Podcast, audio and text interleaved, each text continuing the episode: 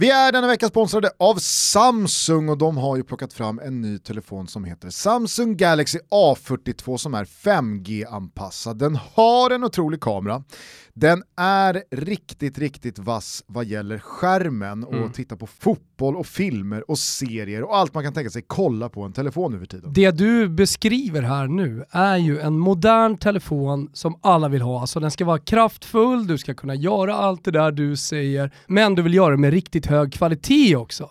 Du nämner bra saker men du glömmer det viktigaste. Ja men jag skulle komma till det som slutklämmen. Okay. Som finalen, som körsbäret på tårtan batteritiden. Jag vet inte om alla tycker att det är körsbäret på tårtan när du precis har beskrivit en högupplöst bildskärm, 5G-kompatibel, fem stycken kameror som bildar en kamera och skapar jättefina bilder. Men för mig är det batteritiden. Samsung Galaxy A42 5G är väldigt mycket telefon för pengarna. Gå in på samsung.se du också och bekanta dig med den här telefonen så förstår du nog vad vi pratar om och varför vi är helt till oss. Exakt. In på samsung.se som Gusten säger. Vi, vi säger stort tack till Samsung.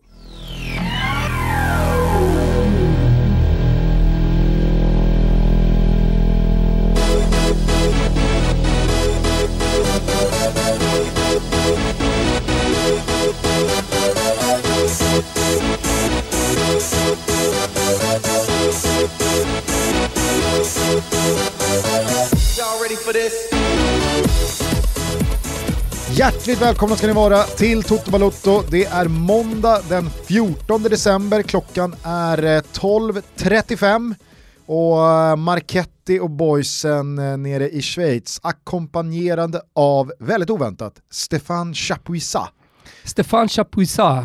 Finsmakarnamn. Det är verkligen ett finsmakarnamn Gusten. De har dragit bollarna inför eh, Champions Leagues åttondelar. Alla matcher är lottade och klara, men vi har dessutom fått ett tråkigt dödsbesked. Gerard Ollier mm. har gått bort. Jag läste Jamie Carragers eh, väldigt bedrövade tweet här precis på Twitter. Han var förkrossad och det är, jag vet, det, det är någonting när eh, liksom gamla spelare, mm. sådär 15, snart 20 år senare, visar sitt medlidande och sin sorg så tydligt som gör, mm. då det, det hugger till. Ja det gör det verkligen. och det har ju varit ett år, ja det har vi upprepat flera gånger, alltså, men det har ju verkligen varit ett helt sinnessjukt år detta. Mm. Med Paolo Rossi, med Diego Armando Maradona, allt annat som har varit. Känslan är att här, man brukar komma ihåg någon sån stor tragisk händelse som har skett under ett år. Alltså i år så känns det som, i år är det som att man säkert har glömt något från i våras. Ja. För att eh, det har varit eh, så bedrövligt hela tiden och stora tragiska händelser eh, liksom sker hela tiden. Det känns som att det är åtta år sedan Kobe Bryant dog. Bara en sån sak. Och det var i januari. Det, det kom inte ens upp i huvudet på mig. Eh, men visst slog väl mänskligheten i botten under Paolo Rossis begravning. Ja, det gjorde den ju verkligen. Ska du berätta vad som har hänt här för de som har missat? Ja, jag tror att många sätt i alla fall som följer sociala medier, eh, men eh, under hans begravning så passar man alltså på att göra inbrott i, i hans villa eh, i den byn han kommer ifrån. Och jag menar, det här kommer, det här kommer då hans, hans familj hem till efter begravningen ett eh, hem som är helt upp och nervänt och saker är borta. Till och med saker då som är väldigt kära. Och nära kopplat till, eh, till Paolo Rossi. Så att, äh, men det, det, det är fullkomligt nattsvart alltså. Det är bara att släpa ut de här på torget och sen så göra processen jävligt kort. Eller om man bara ska göra den lång och, och, och liksom lå, låta lidandet äh, dra ut på tiden. Man känner ju som, vi, vi tror ju alltid att vi står så jävla högt vi människor. Vi tror så mycket om varandra hela tiden. Och, du vet, folk ja, förutom du då? Ja, ja, men exakt, jag som är ödmjuk menar du. Nej, jag menar du tror inte så mycket om mänskligheten nej, som nej, art. Nej, det gör, jag, det, gör, nej, men det gör jag verkligen inte. Det, det, det, det är kanske lätt när man bor i, i eh, Eh, ett rikt land i, i västvärlden så att säga. Och, och liksom, jag har en känsla av att vi som bor i storstäder och som har det jävligt bra ställt eh, tror väldigt, väldigt högt om, om människan. Medan i slutändan när man kommer ner till det, så fort det kommer ett problem eller man ska lösa någonting, så är det samma jävla prim primalhjärna som slår i. Och, och, och så blir det, blir det massa joddel va Gugge? Mm. Så att, nej eh, man är trött på mänskligheten, man, skulle, man kanske skulle ha blivit ett rådjur eller någonting istället. Kliva bara ut på E18, ja. ta en långtradare, smack i revbenen. Ja, fan bättre än eh, någonting annat säkert också. Nej, det, det, det är så jävla nattsvart, jag blir, jag blir, jag blir trött på det. Ja, nej, det, var, det var fan... Eh, Hoppas vi fan går under alltså, det, det var, mänskligheten alltså. Jag blev äcklad när jag såg första tweetsen om att någon hade gjort inbrott. Ja, men helt ärligt, skulle det komma en meteor nu, skulle komma en meteor, den kommer smacka in i jorden, vi kan inte göra någonting. Jag, jag skulle fira. på riktigt. ja, men dina barn då? Ja. Visst, Fucket, det är lite alltså. trist. Ja, det, det, är trist liksom, men de kommer inte märka något. Alltså, jag, jag säger ingenting till dem. Alltså. Ja, eh, Stefan Chapuisat i alla fall, han har dragit bollarna till Champions Leagues åttondelsfinaler och det är väl där vi bara kort börjar innan du ska summera helgen med ett svep. Mm. Eh, vi har Borussia Mönchengladbach mot Manchester City. Mm. Det blir en säker tysk seger. Tror du Nej, men jag är absolut inte säker på att Pep Guardiola bara vinner. Jag... Någonting ska ju hända med det där laget fram till den matchen för att jag ska börja tro på dem på ja, allvar. Det är klart att de är jättestora att... favoriter i, i, i, matchen. Och jag tycker nog ändå att det har börjat hända. Alltså, de ser stabila ut bakåt, det får man fan ge dem. Jag tror att de har åtta hållna nollor de senaste nio matcherna. De satte Laporte på bänken. Ja precis. John Stones är mm. tillbaka från de döda. Stones. Nej, men kan man bara få tillbaka eh, Conaguero utvilad och skadefri här efter nyår och få igång honom så tror jag nog att eh, bara Kevin, bara. Kevin De Bruyne... Drar ju en baksida i slutet på januari igen. Nej, jag vet inte. Så den där kroppen den håller inte längre. Jag vet inte, jag tycker ändå att Manchester City får en tacksam lott här. Eh, okay, att eh, faktiskt eh, ta sig hela eh, Det köper jag, men det är ett jävla fram. pisslag. Okay. Lazio mot Bayern München.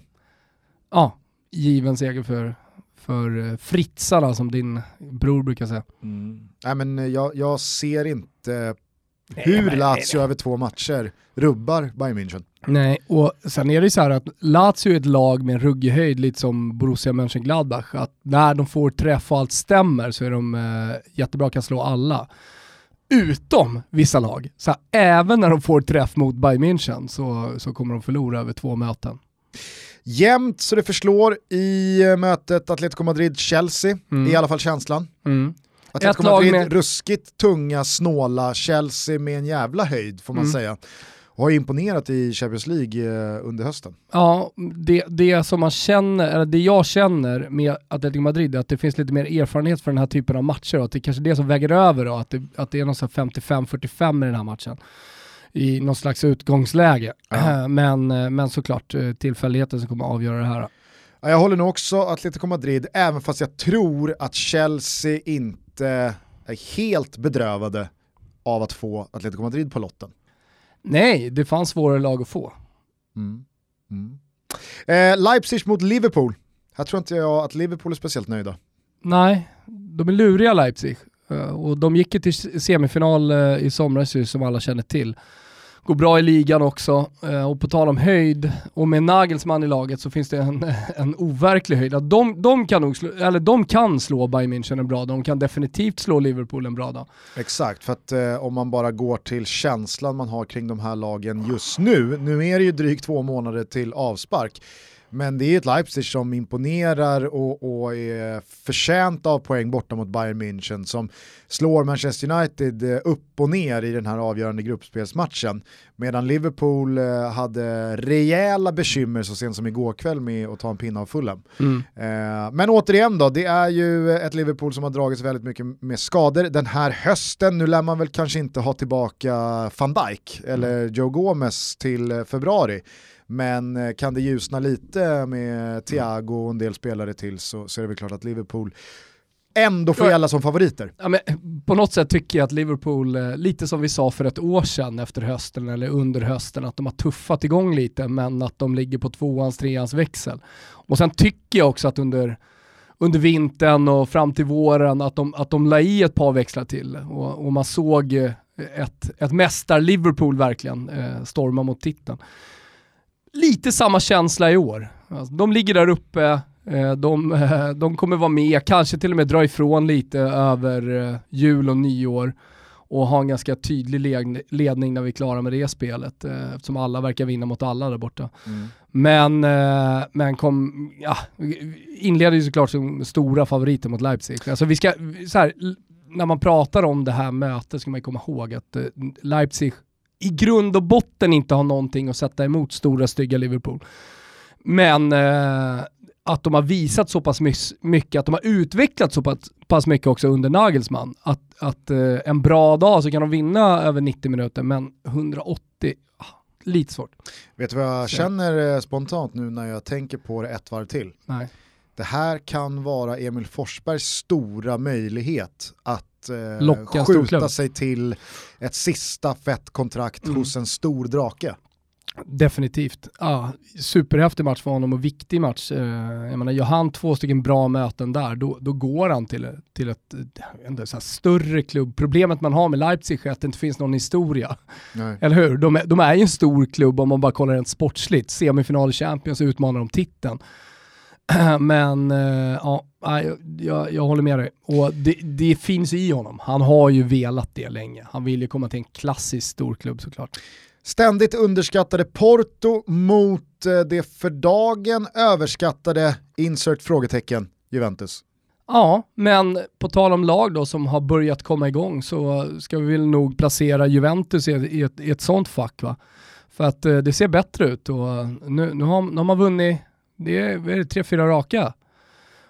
Och eh, dessutom så börjar det se ganska stabilt ut också. Jag tyckte det såg rörigt ut i början och du vet ju det där försvaret. Det, ja, det, det såg inte roligt ut alls. Nu har man både Delicht och Bonucci tillbaka i den backlinjen.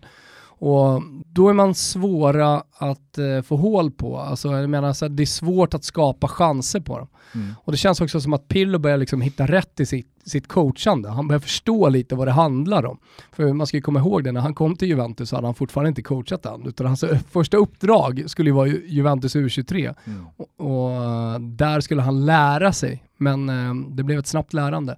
Verkar, verkar, verkar ändå som att, eh, som att Juventus eh, gör någonting den här säsongen. Ja, sen märker man ju också här på sistone hur mycket det hjälper en Pirlo i det läget han är i att ha Cristiano Ronaldo på plan ja, som gör sitt mål, som gör sina två mål, ja. så, så, kan man ta det, så kan man ta det därifrån. Ja, nej, men det, det, det är lite som med Milan och Zlatan och som vi pratade om tidigare, Lukaku i, i Inter.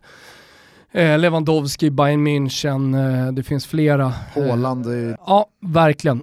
Han, han, han är såklart fullständigt fundamental, inte för att vi kanske vinner över Genoa, men för att vinna de stora matcherna för en sån här åttondelsfinal. Man får ju sannoliken också konstatera att Juventus fick pröjs på den här kraftsamlingen och bortasegern mot Barcelona och således alltså att man nöp första platsen mm. i gruppen.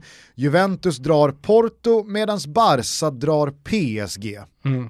Det är stor skillnad. Mm. Det är en jävla skillnad. Nu har väl inte PSG kommunicerat några definitiva besked kring Neymar, åkte ju på en rejält eh, nasty smäll igår kväll mot eh, Lyon. Och det har väl pratats om att det är en fraktur och att det i sådana fall eh, löper stor risk att den här matchen är i fara. Eh, men alldeles oavsett, Barca, PSG, allt vad det innebär med Neymar och Messi, historien med 4-0 kontra 6-1 och så vidare. Ja. Hur det än går här så är det ju ett lag som får lämna i åttondelsrundan och det är ju ett eh, otroligt hårt slag för den klubben. Exakt, eh, ett eh, en klubb, ett lag eh, kommer gråta och en stor supporterskara kommer kritisera och eh, media kommer vara stenhårda. Alltså det, det laget går mot en fiaskosäsong. Se, kollar man på ligan, Barcelona, visst eh, ett par hängmatcher eh, som ska spelas och då kan man ta igen mark då mot den absoluta toppen. PSG, ja men fan det är jämnt i den franska ligan också. Och ja, det, Tuchel eh, har ju varit lite ifrågasatt eh, under hans tid i, klubben. Så, så, så, skulle man åka ut ur en åttondelsfinal, då, då är det nästan så att båda klubbarna agerar direkt.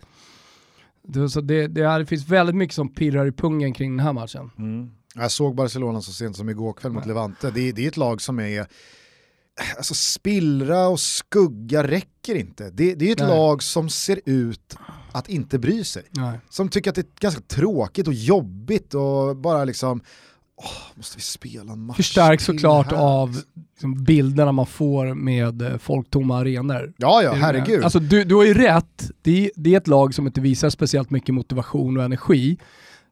Och så förstärks det ytterligare då av att det inte är några Eh, människor på läktaren. Sen befinner de sig i ett vakuum just nu, det är jag väl medveten om. Det är ett presidentval i mitten, slutet på januari. Det kommer ju då stakas ut en väg som jag tror i alla fall kommer skänka en del energi och framtidstro och nu så tror vi på det här långsiktigt. Just nu så känns det som att man bara går och väntar på att det ska ske, att någon ska tala om för hela klubben och supportrarna och spelarna att det här är ditåt vi ska vandra, Koman är inte svaret på någon tränarfråga, de här spelarna kommer komma tillbaka från skada, de här spelarna ska bort och så vidare. Det, det som bedrivs nu, äh, men det, det, jag vet inte, ett, ett, ett krisande vakuum där ingen ser ut att ens vilja vara på planen. Det är Barca för mig, anno jag, jag, 14 december. Jag, tror att i ett sånt här interimläge så hade en coach som just gav energi och som skapade god stämning i truppen, eh, som eh, får spelarna att le på eh, träningarna. Alltså jag tror att den typen av coach hade varit det bästa för Barcelona att, att värva in. Ja. Nu har man tagit in en interimtränare, för det vet vi ju alla Gusten, att eh, Koman är inte något långsiktigt tänk, utan det är ju Xavi som ska in och allt det där. M men han är ju så jävla tråkig. Det finns inte, han, han ger ju inte en enda spelare någon jävla energi, utan han, det som är, det här liksom spelarna, laget, den kvalitet som finns i varje spelare, det får han ihop till något slags kollektiv. Ingenting mer utöver det. Nej. Han får knappt ut någonting av Messi. Nu avgör Messi igår, det är för att Messi är så jävla bra. Men eh, ja, det, jag, jag, tror att de skulle ha kollat på något annat alternativ. Såg man Fotbollssöndag Europa igår och fotbollslabbet med Ola, Fantomen, så kunde man ju också se att även Messi har haft en riktigt svag säsongsinledning för ja, att vara Leo Messi. Så att... och, och då behövde man inte ens kolla på Fantomens siffror för att säga det. Men de bekräftas av det. Men det är väl inget snack om att mötet Barca-PSG är det som just nu, med över två månader kvar, är det som känns mest oförutsägbart. Att mest sak saker kan komma att ja. ske på vägen fram. Exakt. Neymar out eller inte. Mm. Om Xavi helt plötsligt står där i januari och man drar in morgonluft i lungorna och man eh, ja. får tillbaka Ansu Fati och Gerard Piqué och Ricky Push och alltså, det, det börjar stämma Gubbarna, lite. Va? Messi börjar bli gammel-Messi igen. Ja men exakt, eh, och Ter Stegen hittar tillbaks eh, till, till gammal finform. Då, då kan ju Barca helt plötsligt bara blåsa PSG av banan. Ja det tror jag. Men eh, ja, jag, tror så här, för PSGs del så hänger väldigt mycket på dels vad gör man i januari? Kan man, kan man göra någonting i januari? Kan man förstärka truppen? För jag menar, kolla, kolla på forwardskonstellationen eh, eh, med Icardi som är out, eller? Mm. Vad är senaste på Icardi? Nej, så mig veteligen så är det ju inte någon långtidsskada. Nej. Utan han är bara, ja. han är inte med. Ja, men det är, en, det är en otrolig situation i alla fall att befinna sig i med Moise Ken av alla spelare. Så, och jag tycker att han är bra. Har du gått tillbaka till Moise Ken? Ja, Keen ja, just det. Jag, jag har det lite i bakhuvudet. Husfeldts ord är ibland. ju lag, vet du. Men eh, nej, eh, det, det, det, är ju, det är helt otroligt att man sitter på en italiensk talang som fortfarande inte har blommat ut som stort sett enda nia i, i truppen. Det är klart du kan spela med falska och ha olika varianter på det, men, men det, det, det, det går inte. Så att, dels då vad de gör i januari, hur kommer truppen se ut när man möts och sen självklart Neymar. Mm. Alltså, jag återkommer till honom i svepet. Oklart också vad som hände med Borussia Dortmund. Igår så fick Lucien Favre sparken efter 5-1-torsken hemma mot Stuttgart och en sviktande ligaform. Det räckte inte med att man eh, gick vidare från Champions League som gruppetta. Nu står man där med assisterande tränare Terzic som någon slags interimtränare. Det pratas väl om att han sitter nu säsongen ut, men eh, sånt där kan ju såklart ändras. Man lottades i alla fall mot Sevilla detta lite halvluriga Sevilla, mer anonym spelartrupp än på många år. Eh, men eh, har ju faktiskt eh, imponerat i många matcher. Tyckte jag, mm. jag tyckte de var riktigt bra i, i sensomras också.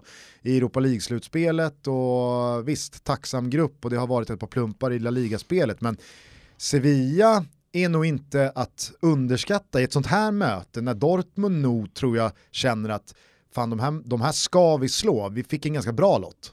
Med lite breda penseldrag så tycker jag att man kan eh, prata om eh, Sevilla som det Sevilla Monchi lämnade. Att de har blivit dem igen. Jävligt starkt kupplag som ändå är med i toppen av eh, eh, La Liga utan att eh, någonsin utmana om någon titel.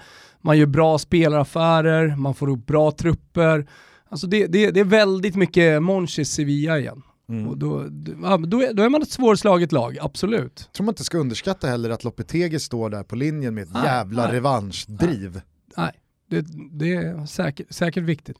Samtidigt som jag menar Borussia Dortmund, när de har dan, Haaland och Sancho, Royce och ja, gänget, det är det. Då, då, alltså de kan ju spruta in 3, 4, 5 bollar på Westfallen mot vilka som helst. Ja men det är också ett höjdlag, alltså när allting stämmer då kan de slå alla, till och med Bayern München. Mm. Vilka tycker du gäller som favoriter här då? Jävla uh, jämnt det är Ruskigt jämnt alltså. faktiskt. Kanske 51-49 till uh, Dortmund då, just på grund av höjden och, och talangen. Sen så finns det stabilitet i Sevilla som, som man gillar mer, men jag sätter 51-49.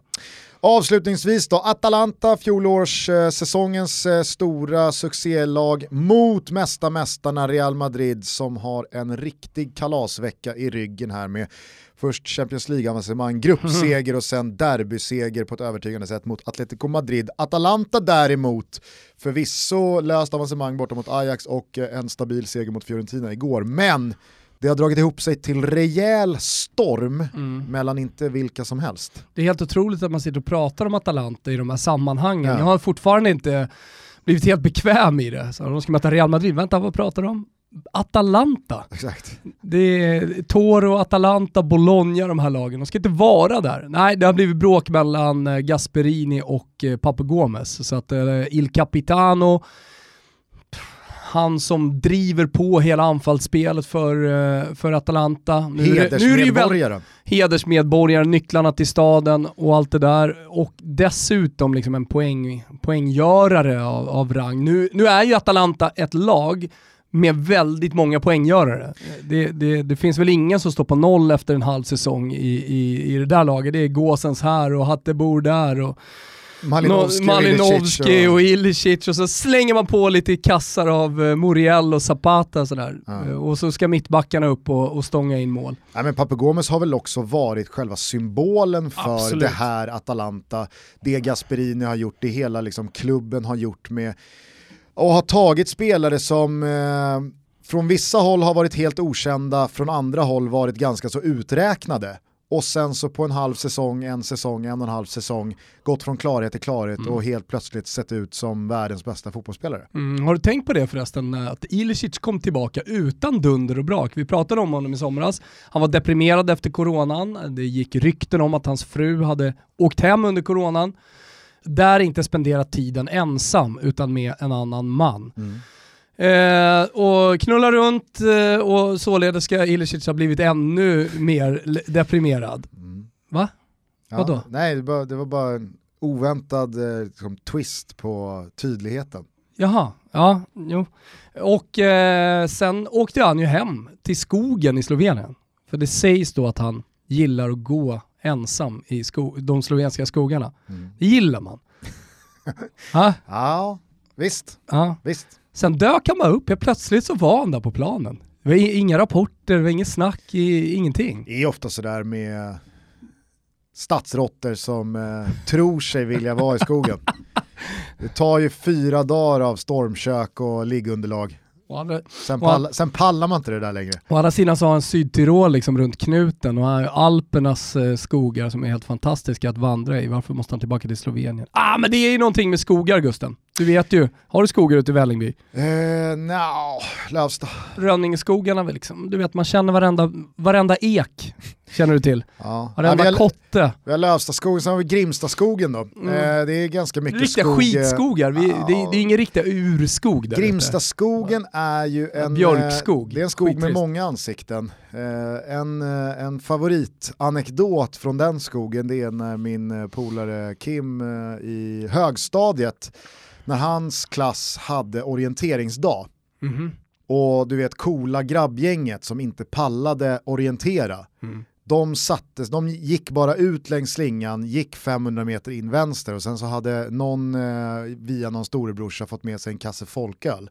Så de satt och bara liksom... Ja men som man gjorde ja, då. De satt och drack folköl ja. under tre timmar medan de andra sprang och letade efter kontrollerna. Och sen så helt plötsligt då, från bakom någon jävla gran, så kommer det en man, Kim satte honom på typ 45 bast, Aha. som kommer i eh, cylinderhatt och överdelen av en frack och sen helt näck ner till. Skojar? kommer Jävla bara, kommer han bara ja, men Du kan ju tänka dig själv, du sitter där 14 bast, dricker lite folköl, känner dig liksom eh, stor och stöddig och, och eh, lite som, på en, som en av de coola. Och sen så kommer det bara en medelålders man i cylinderhatt, frack och, och pitten fladdrar i vädret och han går bara förbi och säger Tjena. Ja, så de satt kvar, de sprang inte, det var nej, ingen, nej, utan, vart ingen alltså, konfrontation? Nej, de, jag vet inte, de upplevde honom inte som hotfull nej. eller sådär, utan det var bara, han, han spatserade förbi där och sa bara Tjena. Ja, vad, vad stört. så det är Grimstaskogen i alla fall. En psykologisk thriller. Mm. Ilicic i alla fall, har ju inte gjort speciellt mycket rubriker av sig på plan sen comebacken, men det var väl han, om jag har förstått det här rätt, som fick gå emellan Papu och Gasperini mm. i halvtidsvilan då mellan Ajax och eh, Atta, mm. när då det här bråket ska ha kulminerat. Ja, exakt. Och om jag förstod eh, Vicky Blomé igår rätt så sa alltså Gasperini upp sig Mm. efter matchen mot Ajax. Mm, för han kände, så var det, han kände dels inte att han hade spelarna med sig och dels kände han att han inte hade ledningens förtroende eftersom att ledningen inte stöttade honom ännu mer. Så att det, du vet, det är vuxna män som har blivit kränkta här. Ja. Men president Perkassi då va? Mm. Han hade då panikat mm. och bara nej, nej, nej, nej, nej. Gasperini ska inte regga något CV på Ranstad här. Han ska vara kvar i Atalanta. Mm och bönat och bett. Mm. Kanske har han varit nere på två knän. Ja, det tror jag nog eh, att han, eh, att han har gjort. Således har då Gasperini usvängt, mm. han har gjort en kovändning, han är kvar. Mm. Men Papu Gomes placerades på bänken igår mot Fiorentina och idag, bara för någon timme sedan, så skickar han ut vadå på sin Instagram? När jag lämnar, och det tycker jag är en ganska tydlig signal på att säga jag ska lämna från italienska kan man ju faktiskt översätta det till svenska att jag ska lämna också, eller jag kommer att lämna. Men, men, eh, men tonen i hela är att liksom, ah, det, när, när, när jag lämnar så, så kommer jag berätta hela sanningen. Uh, sen så tar han på sig kaptensbinden i, i den här texten också och, och, och säger att kaptenen alltid kommer vilja hans supportrar eh, lagets bästa. Och, alltså för supporternas skull kommer han vilja lagets bästa. Men samtidigt som Gasperini då pratar och säger att han inte vet hur det kommer sluta och om han kommer lämna i januari så säger han bara att det, det får klubben bestämma, jag tänker bara på det bästa för laget. han, han tar ju sarg ut här. Vilken jävla situation ja. att hamna i för ett lag som Atalanta. Ja, undrar vad som sades där, men uh, vi kommer få veta om man får tro på Papagomes. Känner man inte att den gamla klyschan för bra för att vara sant får nytt liv här? Oh, lite så. Lite så. Var allting så jävla frid och fröjd? För jag menar, om det nu har uppstått ett eh, bråk i, under den matchen, jag menar, det är match man vinner, det är en historisk eh, seger med supportrar på läktarna så är det här minnen som eh, etsas fast hos de 7-8 tusen Bergamo-bor som gjorde, liksom, fick möjligheten att göra resan till Liverpool för alltid, tills man dör. Alltså, det, nu, nu får det inte samma genomslag. Man pratar inte om segern riktigt på samma sätt, mm, så, så episk som den var. Men man vinner mot Liverpool borta och i Italien, liksom Liverpool, det är England och det är Englands bästa lag och de har vunnit Champions League. Det är så jävla, det blir fan inte större än Liverpool i Italien. Man tycker Liverpool är så jävla coolt och vi tänker att vi svenskar är lite mycket Liverpool, eh, Tom, många Liverpool-supportrar i det här landet och allt det där. Men äh, du vet, i, i Italien är det nästan någon, någonting som man inte riktigt kan ta på riktigt, så, så stort är det. Men eh, när han vinner en 1-0 och ändå så uppstår det här bråket, det, det jag vill komma till är att då finns det ju någonting som har legat och grott. Alltså så det här är inte första bråket. Om det inte är så att Papagomes har spottat Gasperini i ansiktet, eller liksom en sån grej. Men, men man, måste ju, man måste ju tro att det har varit en konflikt som, som, eh, som har funnits under en tid. Ja, och jag menar den här första halvleken man gör borta mot Ajax i sista gruppspelsmatchen är ju också en, det, det, såg inte skit ut. Nu pratar jag om Liverpool som att det här hände. Jag hörde dig säga att det hände mot Liverpool. Men det spelar ingen roll. Vi kan ta Ajax-matchen också. Som ja. du säger, det såg ju bra ut. Men om Ilicic har fått gå in och gå emellan, alltså då vet man att då är det inte bara någon ordväxling. Mm. Ilicic känns inte heller som en person som gärna går emellan. Äh, han är mild, eller så här, han är väl den personen som just går emellan. Ja, jag vet inte. Snälla killen som ändå går emellan. Jo, fast jag har en bild av att Ilicic sitter i sitt hörn i omklädningsrummet, ser att det, det, det, det drar ihop sig till kurr och så känner han, jaha, jag tycker snarare att han, för mig är han snarare den snälla killen som, som går emellan just. Okay.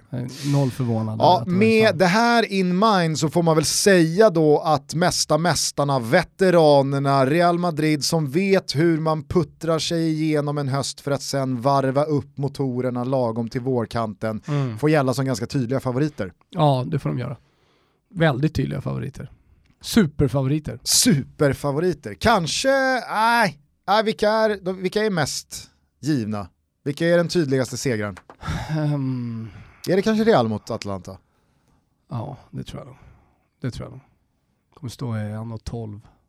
1.12 och gå vidare? Ja. Nej, jag tror inte Bayern kommer ha så stora problem med Lazio heller. Nej, den kommer också stå väldigt eh, lågt. Mm. Bayern-segern alltså. Ja. Hörni, vi eh, kommer såklart bygga ihop lite roliga Champions League-specialare borta hos Betsson. Det går att ha väldigt mycket roligt där i veckan. Det är ju Midweek eh, i princip överallt. Eh, Wilbur José vidare i resultattipset också. Såklart ja. Det kommer ju en revansch för sådana som dig Gustav ja. som har åkt ut. Jul-Toto.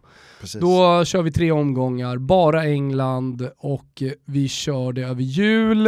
Och att man eh, samlar poäng snarare än att det är knockout. Exakt, så att den som har högst, eller de som har högst poäng helt enkelt kommer vinna priser. Mm. Det var ingen vacker score du gick vidare på igår. Nej, den var fan inte fin, men det var en svårare omgång också. Det ska ju sägas, det var fler höga poäng omgången innan. Här var det runt 15 va? 14-15 någonting. Jag vet inte, jag, jag, deltog inte ens. Nej, just det. I just. Det. Ja, nej, det var, jag såg att det var många som la ut eh, sina spel i, eh, i hashtag resultat toto och där, där var det många som gick vidare på lågt och det var väldigt tight i matchen också.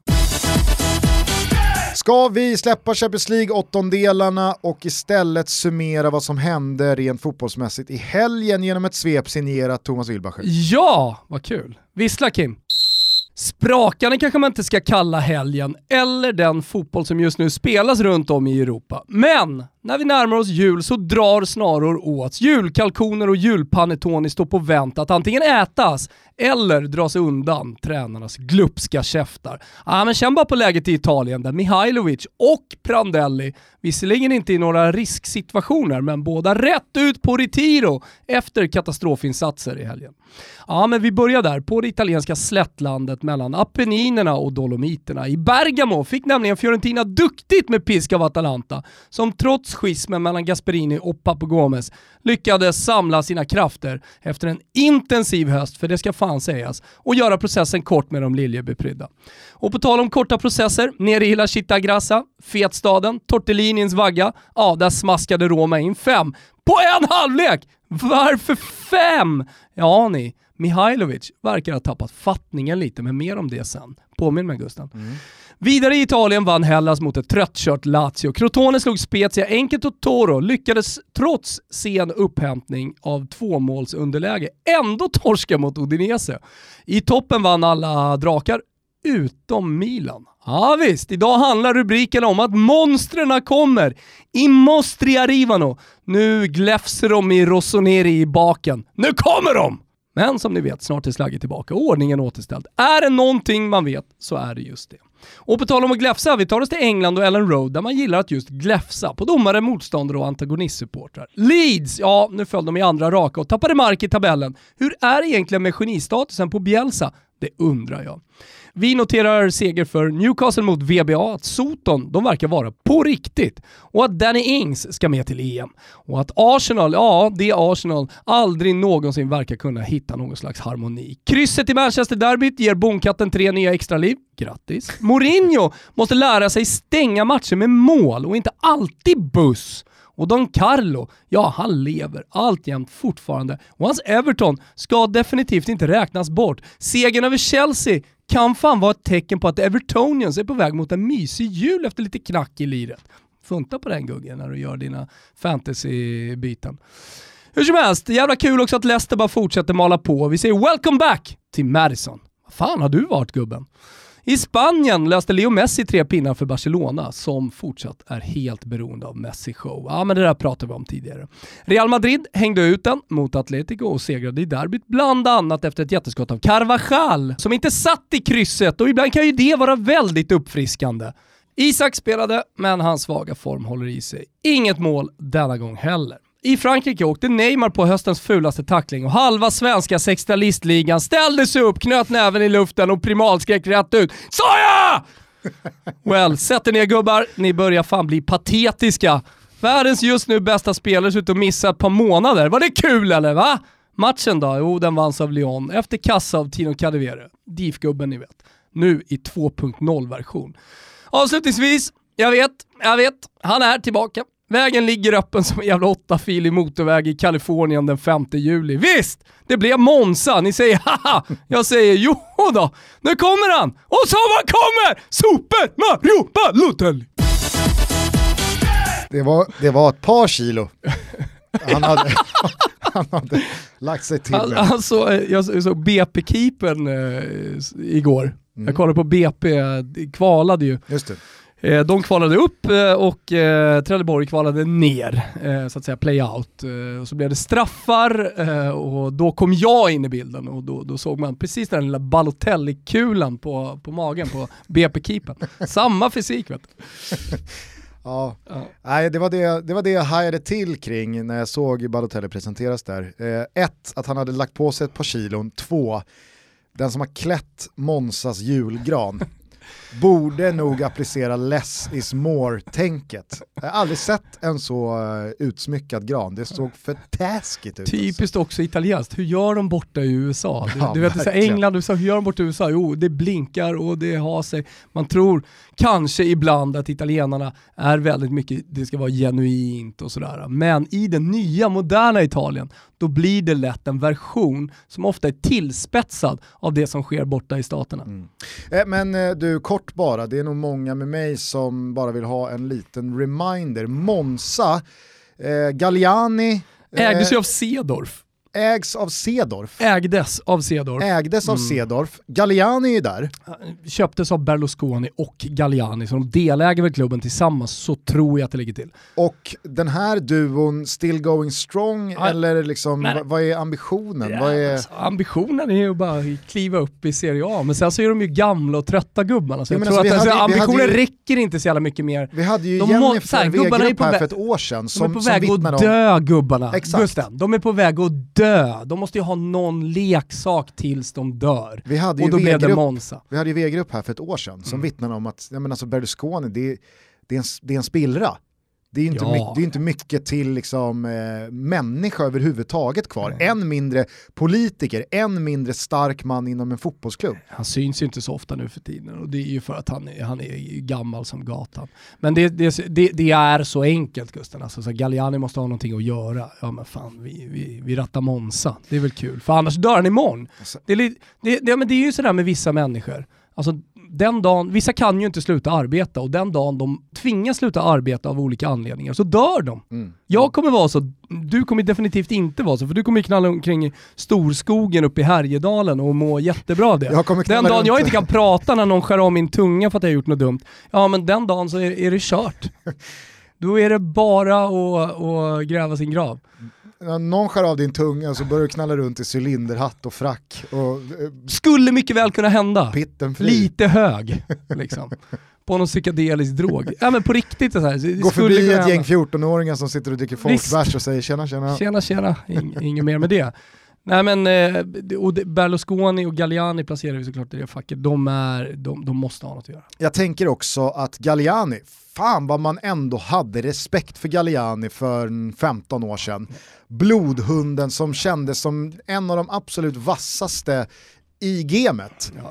Alltså att en sån herre landar i en värvning av Balotelli till ett sånt här lag. Det säger ja, allt om, själv, exakt, det, det är en Giocattolo och även Balotelli, det är en le leksak. Det är liksom en dinosauriefigur till jul, ja. till, till pojken. Förvirrade män.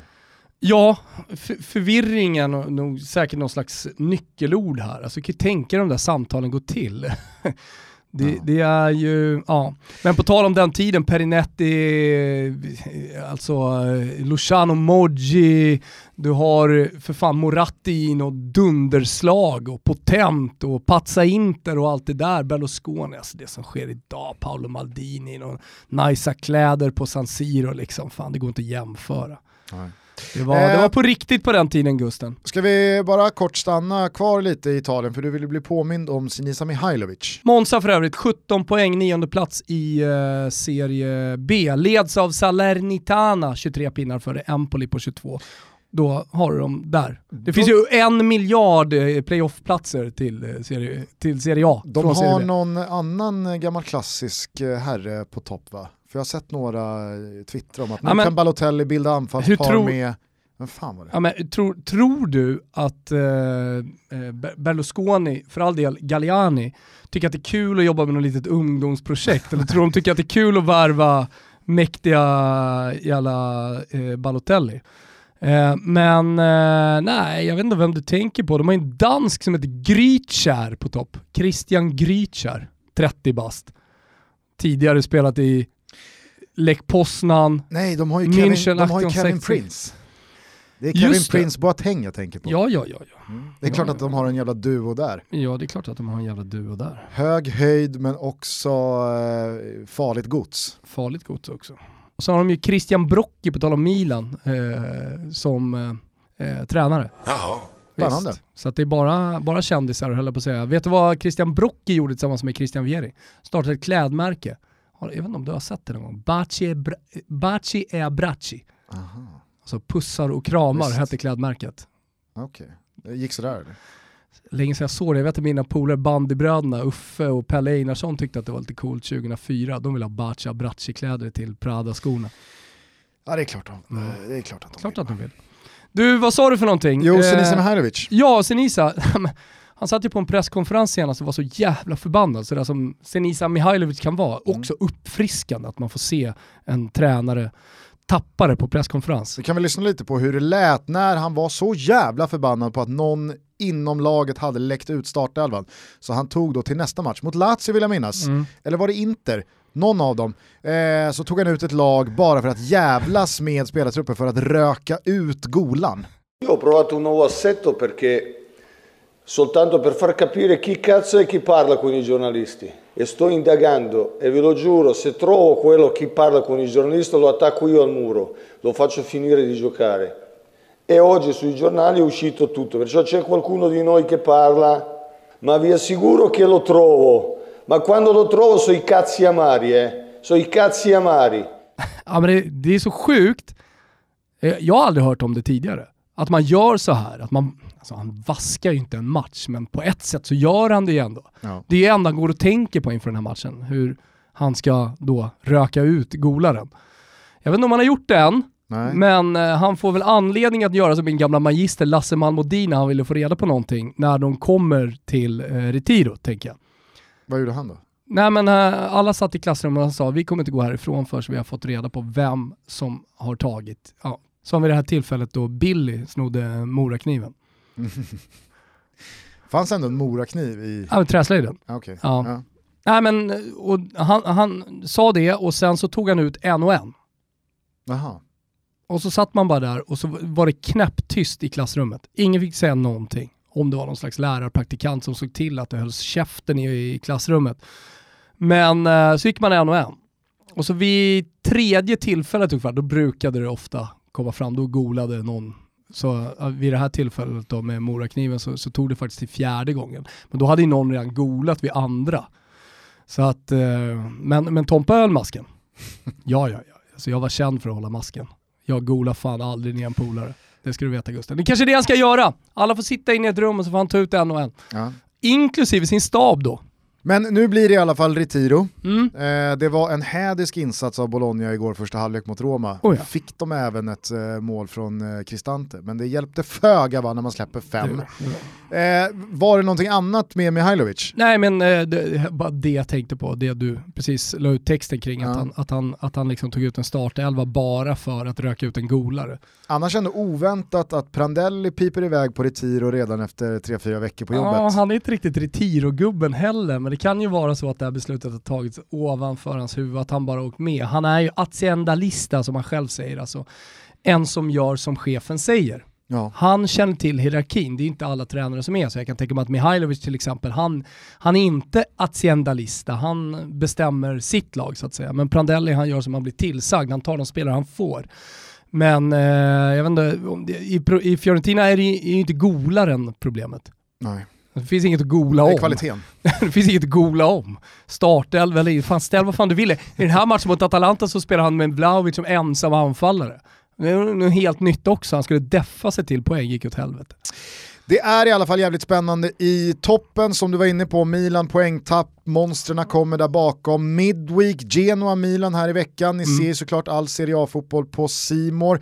Vi räknar väl med att Zlatan är tillbaka i alla fall i matchtruppen, sen återstår det väl att se om han dyker upp i startelvan. Men som de behöver honom nu, nu känns det som att det har satt sig lite i spelartruppen också, att vilka är vi egentligen utan Zlatan? Ja, men jämför att spela Rebic, nu är inte han i form och han är inte den Rebic vi såg förra säsongen, det kommer säkert komma, men han är inte där nu. Så att en formsvag Rebic eller en eh, då formtoppad eh, Ibrahimovic är ju monumental jävla skillnad.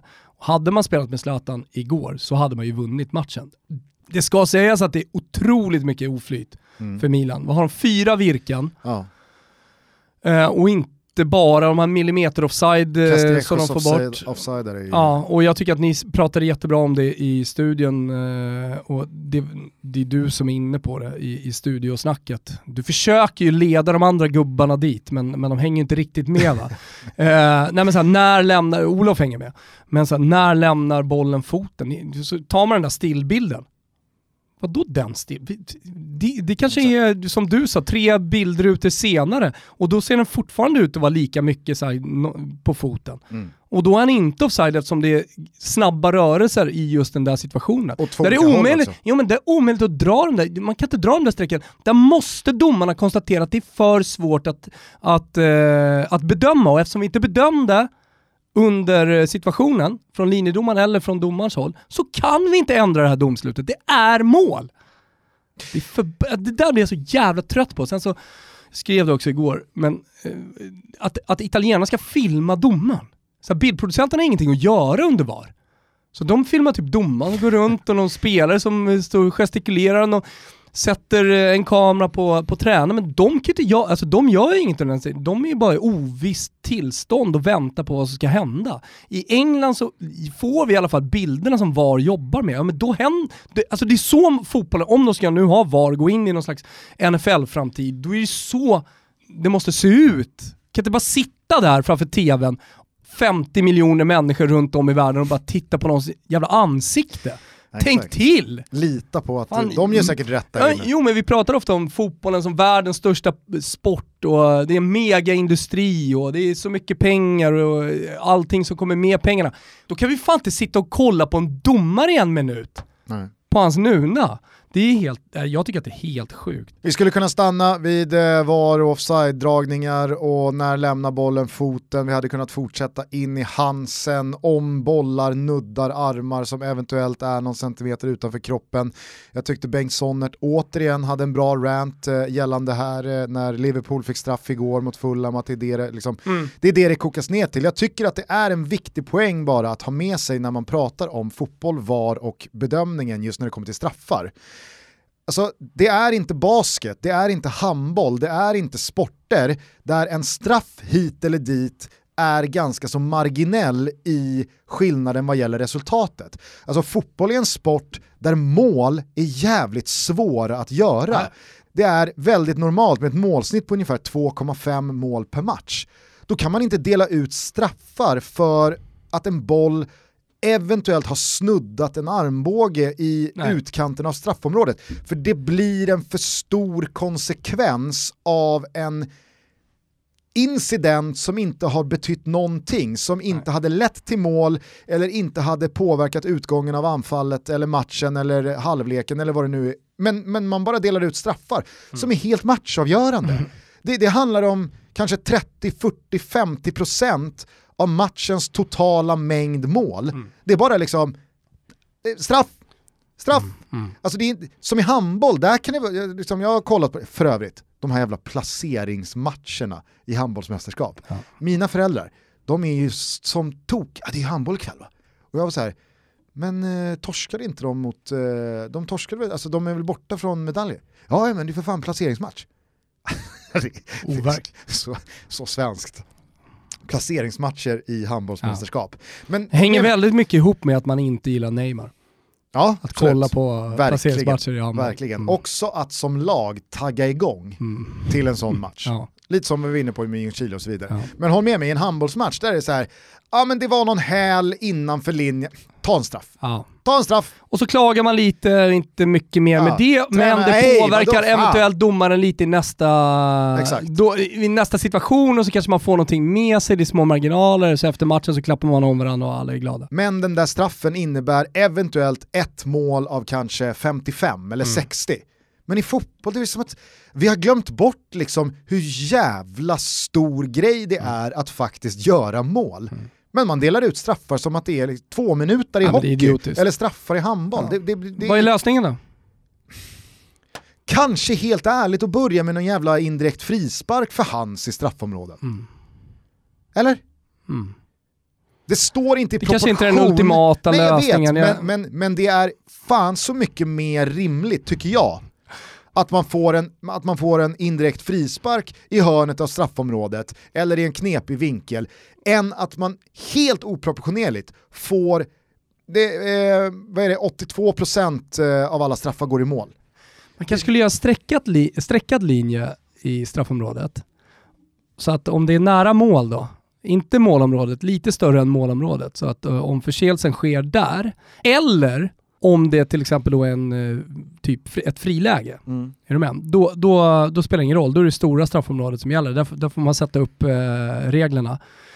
Och om det då sker utanför den streckade linjen så får man skjuta straffen men du får skjuta den en och en halv meter bakom straffpunkten. En jätterolig straff. Handstraff. Handstraff, kanske, eller bara då för att göra det enkelt. Men vad händer, då, vad händer med förseelse uppe som man har sett ja, flera gånger, eh, inte minst det här året, men en spelare som är på väg ur, alltså en offensiv spelare som är på väg ur med ryggen mot mål, straffområde, får sig en knuff, ramlar, eh, att man vid ett sånt läge kanske flyttar den utanför. Eller jag jo, men ta, Därför behöver en streckad linje menar jag. Ta jag förra söndagen då Milan möter Sampdoria Känns som att det här kommer bli rörigt med Absolut, våra nya regler. Verkligen. Nej, men då, då lyfter Milan in en, en eh, boll eh, med, med snö på, det är en liten lyra. Theo Hernandez går upp i en nickduell med Jankto. Mm. Theo Hernandez sätter pannan på huvudet men är helt missriktad så att bollen är på väg ut till inspark. Det finns ingen, det finns ingen spelare bakom incidenten, ingenting. Men i duellen så har Janktos liksom arm i en naturlig rörelse lämnat kroppen. Bollen droppar ner på hans hand. Nej, det står 0-0 i matchen, Sampdoria är inne i en förluststreak och behöver liksom alla poäng de kan få. Milan i serie, äh, helt plötsligt så blir det straff. Ja. Här, ta en straff. Mm. Bollen var bara på väg ut till inspark, det, det, var absolut ingenting som höll på att hända här. Men ta en straff nu, mm. för det ska ja, ni ha. Alltså VAR har gjort att man har tappat all form av känsla för vad det där ett mål eller en fet chans som förhindrades av en hans? Mm. Eller var det bara en hans som egentligen var helt obetydlig? Det där har ju totalt försvunnit från domarnas liksom känsla och bedömning och erfarenhet och fingertoppar. Och om jag får tro de här silly ryktena kring svenska domarbasen Steffe Pepsi, mm. att han lämnar. Jag kan tänka mig att Fast, han har ruttnat. Nej, vet du vad? Han ja. lämnar ju inte. Nej. De ska ju bara göra en om... Du läste inte artikeln? Nej, det gjorde jag inte. Nej, du såg bara avslöjar. Roman Lull avslöjar och så ja, trodde du att Steffe Pepsi var på väg bort. Nej, jag trodde att Steffe Pepsi helt jävla superrimligt, bara hade ruttnat på skiten. Mm. Nej, nej. Jag orkar inte det. är en omorganisation, så han ska jobba bara med elitdomarna, alltså även med de internationella elitdomarna som gör liksom lite, lite nya roller. Jag tror han får en jävligt ny soft roll som passar honom väldigt bra. Och han sa ju det i intervjun då med Lull, att, eh, att han inte ens trodde det skulle komma en ny domarbas. Att man då istället har en platt organisation, det är så det låter utan hierarki. Också svenskt. Otroligt jävla svenskt. Platt organisation och en Colina hade ju aldrig gått med på det där. Nej, så är det. Nej. Eh, ja, jag vet inte riktigt hur vi hamnade där. Vi pratade om offsiden som Milan åkte på igår. Det var i alla fall ett Milan som hade vunnit det här med Zlatan på plan. Det är mm. vi väldigt överens om. I andra änden av då svenska anfallare såg du, eh, det var någon spansk eh, tidning, Diario tror jag, eh, i San Sebastian som eh, körde vad då tror du på eh, första sidan? Absolut efterlyst bilden på Alexander Isak. Ja, de gjorde det? Ja. Wanted. Exakt. Är det någon som har sett den här mm. personen, mm. såg senast och sen så refererar Men den jag hade satt upp här i Stockholm på Madsy. James Madison? Ja. Ah, okay. Kan han ha varit sval i höst? Ja det har han ju. Mm. Eh, men såg du Real Sociedad igår mot Eibar? Mm. Det, det, var ju kanske inte så, så mycket till alltså match. Man kollar ju på den matchen bara för att man vill se Alexander Isak. Exakt, fast frågan är, är, precis som alla andra. Fast frågan är om man verkligen bananer. vill se Alexander Isak just nu, för äh, nu är det smärtsamt att följa. Alltså. Mm. Det är noll självförtroende, han har eh, inte klubban i isen från fem meter Nej. igår öppet mål, missar bara bollen. Ytterligare tio minuter senare så kommer han fri med en boll på studs som han bara kan lyfta över. Den är väl ungefär nio meter från att ens vara nära att uh, gå i mål. Uh, Skulle också uppskatta det till runt 8,50. Ja. Och så parallellt då så har ju William José då klivit fram och skjutit eh, Real Sociedad vidare i Europa League borta ja. mot Napoli och kanske gjort den där ordinarie platsen till sin. Men ny chans i veckan här mot Barcelona som ni också såklart ser på Simor. Det är väl en sån här match som eh, man verkligen kan vända en negativ trend på. Ja. Eh, men, eh, men så här viktigt tror jag också att hitta ett mål innan uppehållet, som spanska ligan går på juluppehåll.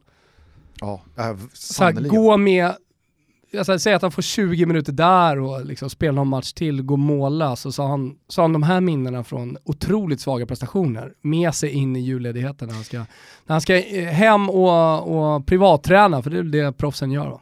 Ja, inte Balotelli men eh, Nej. en del andra. Mm. Men visst är känslan att Alexander Isak tar ju hellre en 4-2 förlust och båda målen än en seger mot Barca. Men ja, han återigen missar en stor fet chans. 100%. Alla är sig själv närmst. Mm. Eh, till England då, jag tyckte du formulerade det väldigt bra att Mourinho behöver bli bättre på att stänga matcher med mål än med bussen. Mm. För det var ju sannoliken så det såg ut på Sellers Park. Alltså, Crystal Palace gick knappt över halva plan i första halvlek. Nej. Och visst, Spurs radar ju inte upp en massa målchanser, men de dominerar ju matchen totalt och Exakt. har full kontroll på händelserna. Och sen går man ut efter paus och bara ger bollen till Crystal Palace, sjunker ner i Juris knä och sen så sitter man där tills kvitteringen kommer, då visar man att ah, vi kan ju i och för sig om vi vill etablera matchen på er planhalva och bara spela ut er. Jag får nästan känslan eh, av Mourinho som att han håller på och poserar med sitt bussparkerande. Att så här, jaha, ska ni komma och be berätta för mig hur man ska spela fotboll? Att jag inte minsann kan parkera bussen, jag har vunnit en Champions League på att parkera bussen och ställa om. Att det nu blir lite så att han, han ska minsann visa för alla att han, han, han kan göra så. Att han mycket väl och kanske till och med hade velat stänga den här matchen med 2-0 mål. Men att han eh, sitter där som den jävla posören han är, Mourinho. Sanslösa räddningar dock från Guaita i slutet fan. på matchen. Ma, ma, exakt, det ska fan sägas.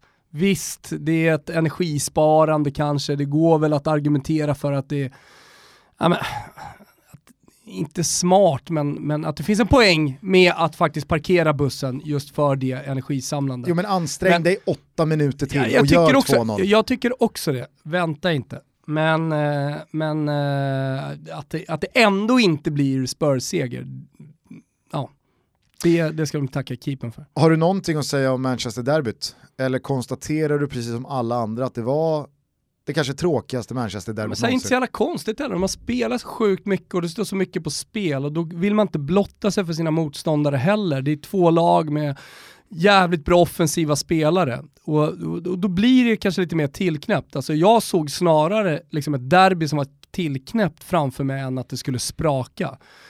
Och att det skulle bli massa, massa chanser. Så att jag, jag, jag, jag, jag tyckte det var ganska rimligt. Eh, visst, City lite bättre trupp än vad Manchester United har. Eh, deras spetsspelare, så alltså typ Kevin De Bruyne är väl ja, bästa spelaren på planen egentligen.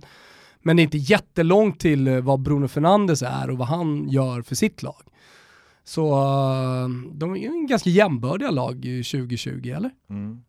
Jag bär med mig eh, det som uppmärksammades av många engelska gamla spelarpandits efteråt, att det var så jävla god stämning på slutsignalen. Att det var så här, sluta hålla på och kramas och stå och garva ihop, det, det, fan, det ska vara derby det här. Jag tror att många supportrar satt hemma och kollade på tvn och kände Ja, men vänta här, du får inte se ut så här. Vare sig under matchen, i spelet eller spelarna sinsemellan efter slutvisslan.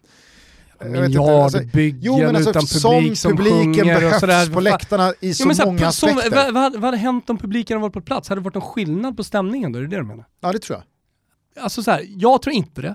Och, eh, och då menar jag stämningen på planen och det som faktiskt låter. Sjunger väl för fan inte i Manchester? Alltså, Bara turister på läktarna. Ah, borta, borta följet. Ja, borta följet sjunger. Det, kan, det, det, det, ger, det ger Manchesterlagen, men annars är det ju katedraler. Katedraler. Det är ju Hoffman hörs ju mest när Sterling är mål, när han är där som turist. Han hörs mest på, han är också gladast, genuint gladast. Ja, men det tror jag faktiskt att jag och Hoffman var, ja. när vi var på plats och ja. såg City slå Chelsea. Ja med Sterling i våra respektive fantasylag. Kul bara, eh, måste jag säga, att se Frank Lampard eh, bli rejält tillplattad av Carlo Ancelotti. Eh, den mycket, mycket sympatiska Lampard, han är så jävla bra medialt. Han ger ju ja. otroliga inför och efter intervjuer, måste man säga. Eh, inför matchen då så pratade han ju varmt om Carlo Ancelotti, men konstaterade att nu under den här matchen, då, då är vi konkurrenter och då vill jag göra allt jag kan för att, för att slå hans lag och ta alla poängen. Alltså Ancelotti, han utmanövrerar ju Lampard och Chelsea taktiskt i den här matchen så att det bara sjunger mm. om det och efter matchen, såg du handslaget dem emellan? Jag såg det. Pallar ju knappt Nej. ens möta hans blick Nej. Lampard, Nej. utan det är bara så Det är här, jättejobbigt. Herregud vilken lektion jag precis fick, ja. nu vill jag bara härifrån. Mm. Äh, det alltså, var fint. Det, också så betydligt mycket yngre, haft som tränare, respekten är enorm, hierarki Gusten. Ja.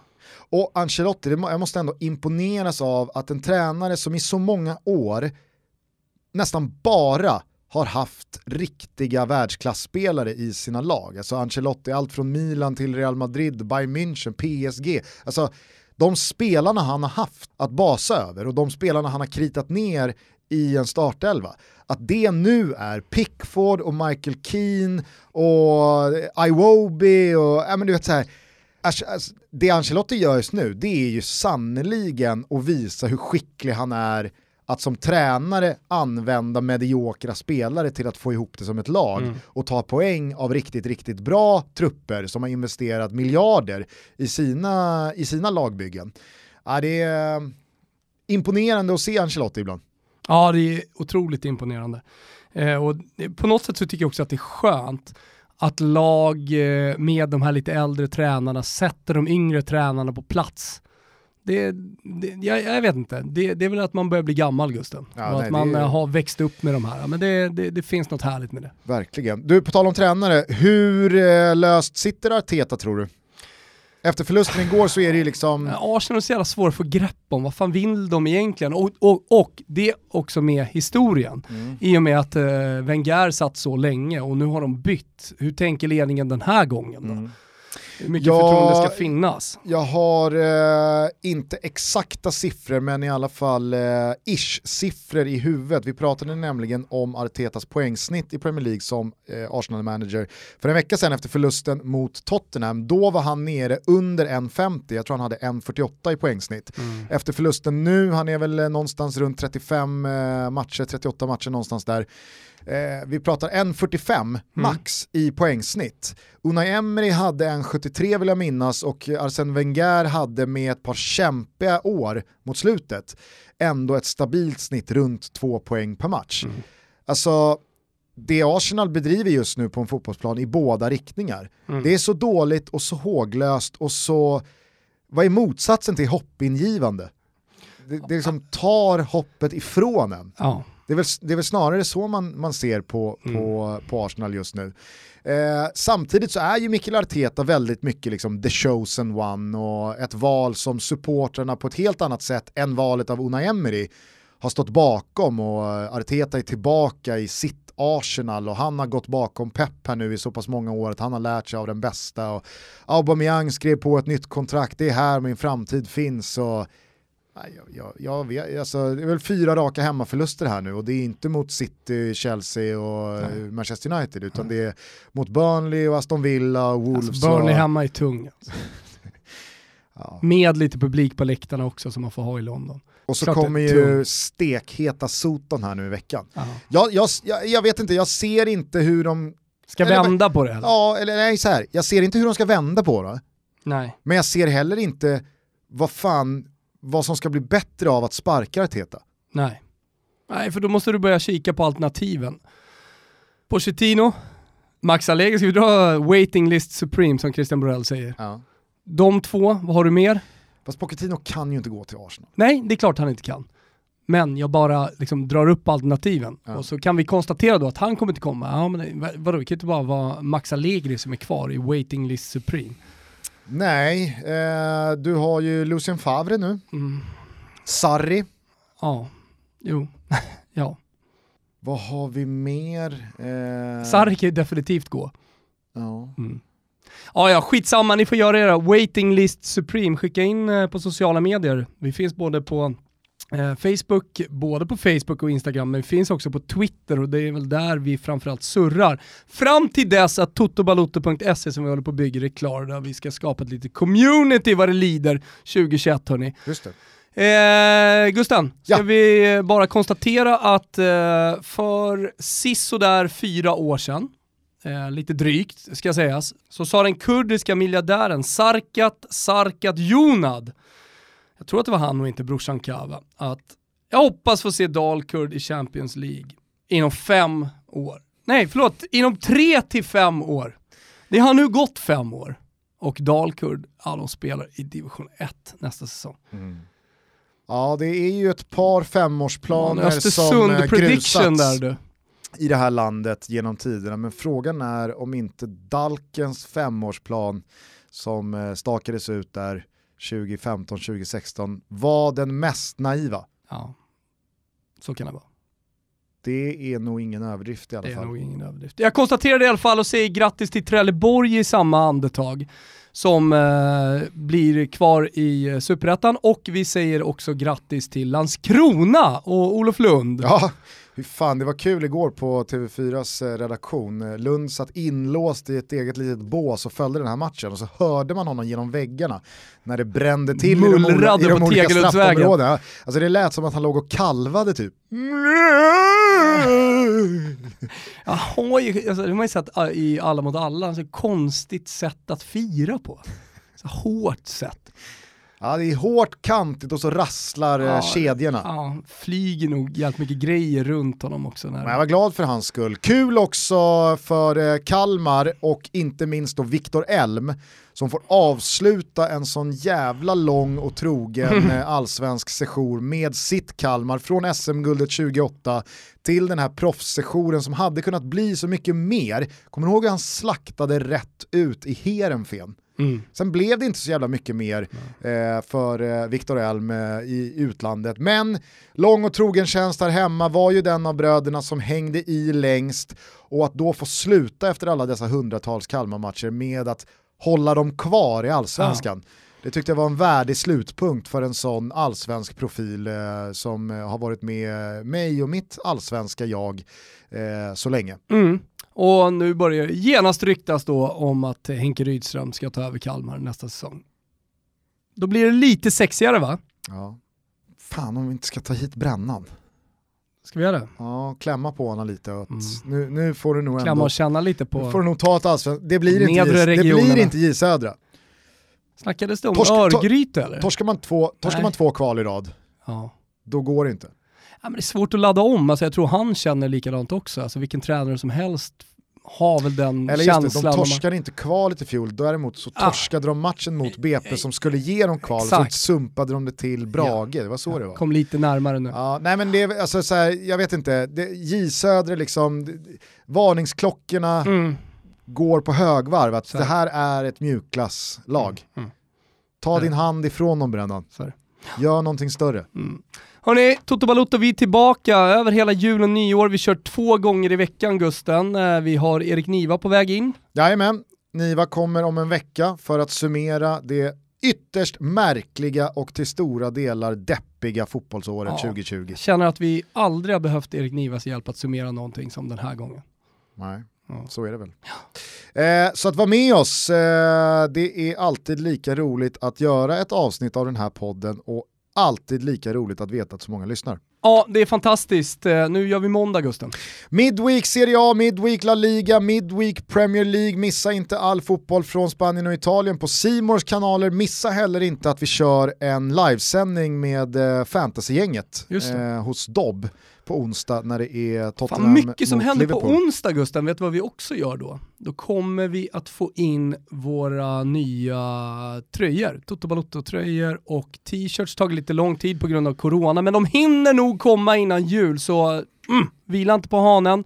Var med på onsdag när vi skickar ut. Och kom ihåg det hörni, vi tar ju alltid hem en väldigt begränsad upplaga och eh, de kommer gå åt. Så ni som vill ha kan redan nu gå in på nakata.se, signa upp så får ni heads up när vi släpper. Eller hur? Vad kör du för resultat i första matchen i resultattipset här nu? Det drar igång imorgon redan. Ja, vilka är första matchen? Första matchen är Wolves-Chelsea.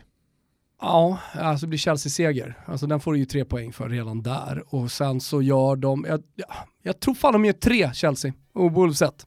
Eller kör du dimridå här nu till motståndaren? Det vet man ju inte. kommer jag ju inte svara på. Ja, eh, lycka till i alla fall. Tack så mycket. Gör eh, Toto Balutto stolt. 200 pers kvar av 3200 från början, så att, eh, jag, jag är på väg mot någonting men jag kommer inte stanna här. Jag och Jalkemo och alla andra floppar, eh, vi, får, vi får snällt sitta och vänta på att jultutto drar igång. Ja, för jultutto drar igång. Hörni, vi hörs snart igen. Ciao Tutti! Ciao Tutti! Det var en svart natt, katt natt, tog innan